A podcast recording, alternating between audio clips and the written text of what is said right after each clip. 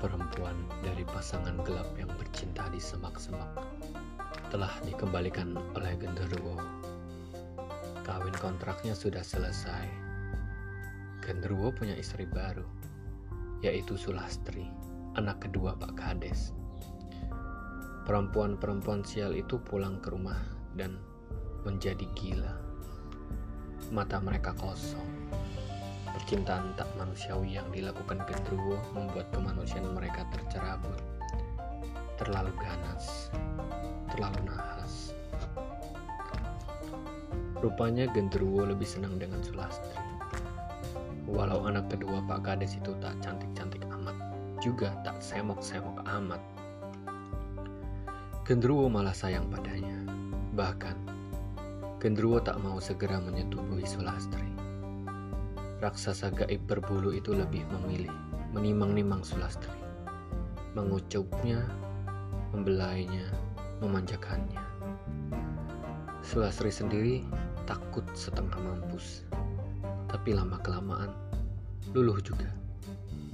Pemandangan menjijikkan tentang ayahnya yang suka merancak, membayangkan janda-janda muda membuatnya ogah pulang ke rumah. Biar saja Sunarti si bungsu yang mengurusi ayah.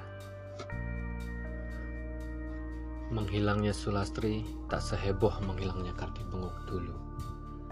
Mbok Sinawang memberitahu warga, Sulastri diambil genderuwo, itu lebih baik daripada dia diperkosa kolor ijo Karjo celaka itu. Orang-orang sudah melupakan Karjo si kolor ijo, sudah tamat dia. Kerusakan yang disebabkannya bahkan tak sebanding dengan kematiannya. Karjo harusnya disiksa seumur hidup tanpa diizinkan mati Keenakan dia diajar masa lalu mampus begitu saja. Kegilaan yang melanda ratusan korban perkosaan kolor hijau lebih parah dari mantan pengantin genderuwo. Selantingan ucapan melintas di udara. Banyak yang menyebut peristiwa itu sebagai wabah benguk. Di warung-warung kopi, warga mengingat kegilaan yang melanda Soekartini. Mereka ingat Soekartini selalu menarikan sebuah nama, Karno Bangir. Berima dengan nama itu, akhirnya warga menjuluki Soekartini dengan Kartibengok.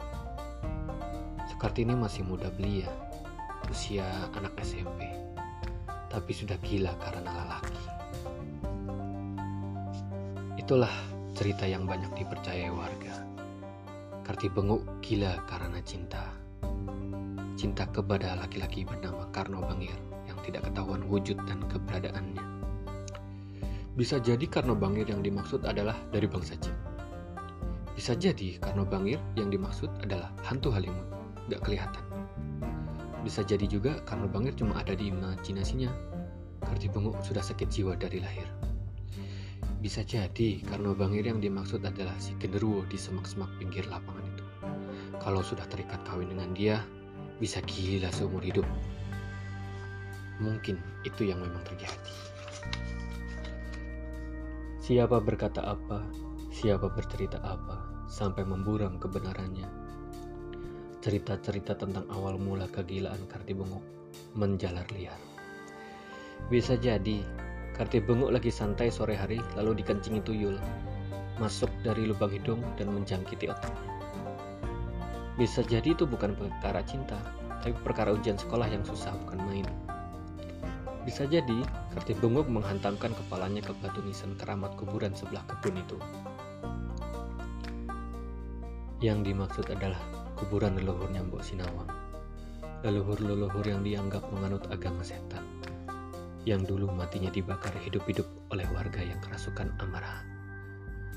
Sesungguhnya pencetus kalau leluhur Mbok Sinawang harus dibakar itu terinspirasi oleh nasib para penyihir di zaman lampau di luar Nusantara. Saudara-saudara Mbak Sinawang yang masih utuh dahulu menguburkan para leluhur di kebun. Upacaranya membuat warga takut. Mereka menguburkan para leluhur. Mereka dengan membasuhi tanah dengan darah langsung dari sumber, langsung dari nadi yang dikoyak paksa. Akhirnya mereka ikut bergabung ke liang lahat meninggalkan Mbok Sinawang sebatang kara hidup di desa yang penuh orang gila. Gila sekali cara bersikap dan memutuskan. buta kebenaran, buta kebenaran versi lain.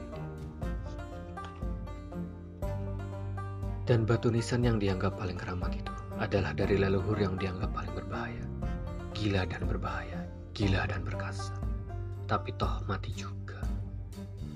Bocelan pada batu nisan itu memperkuat teori kegilaan Kartipenguk, bahwa bocelan itu akibat Kartipenguk membenturkan kepalanya sendiri di situ Warga yang kadang lewat kebun itu mengaku suka mendengar bisikan-bisikan gaib untuk melakukan yang tidak-tidak. Bisikan itu menyerupai undangan untuk bergabung dengan pesta bawah tanah, pesta di kuburan.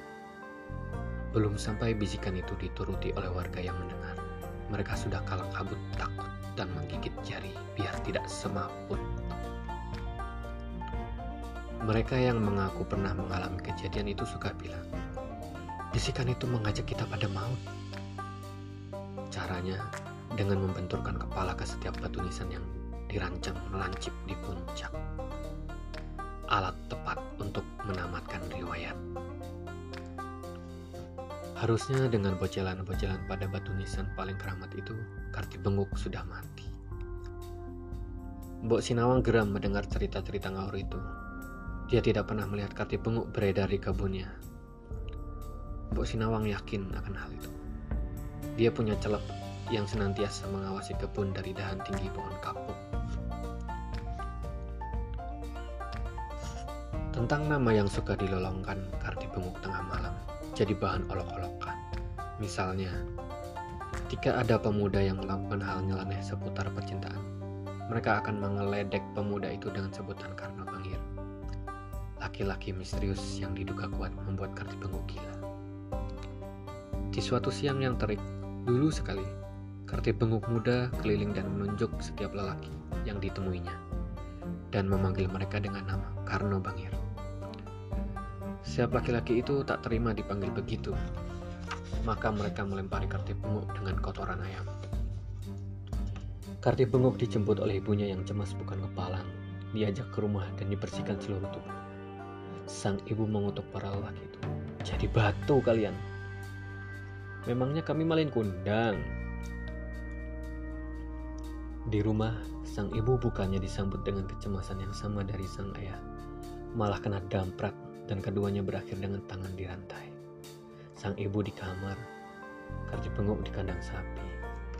Karti Benguk disumpal mulutnya pakai rumput makanan sapi. Itu hukuman akibat Karti Benguk tidak mau tertib, tidak mau hening. Sepanjang waktu menyebut nama Karno Bangir siapa orang celaka itu. Melompat jauh ke masa kini, salah satu pemuda yang dulu mengata-ngatai itu duduk di cangkrukan siang-siang. Dia lagi malas sekali melakukan apa pun. Dia habis mangkir dari permintaan ibu untuk membuang sampah. Dia berpikir, enak sekali ya kalau jadi patung saja, tak ada yang menyuruh-nyuruh. Siang yang panas itu kemudian menghadirkan angin gerah ada yang tak kasat mata lewat depan hidung si pemuda. Si pemuda kemudian pergi ke toko bangunan membeli semen dan pasir. Di pengkarangan rumahnya, dia menggali tanah berbentuk manusia seukurannya. Lalu dia mencampur semen dan pasir dengan batu dan air. Dia penuhi lubang itu dan dia tidur di sana. Menjadi batu, menjadi pemalas paling hakiki. Hanya lubang hidung pemuda yang masih nampak. Dia menjadi pemalas, tapi tidak mati, tetap hidup, menjadi batu. Kerabat keluarganya yang telah menemukan tak bisa menghancurkan semen yang kadung keras. Abadilah dia sebagai pemalas.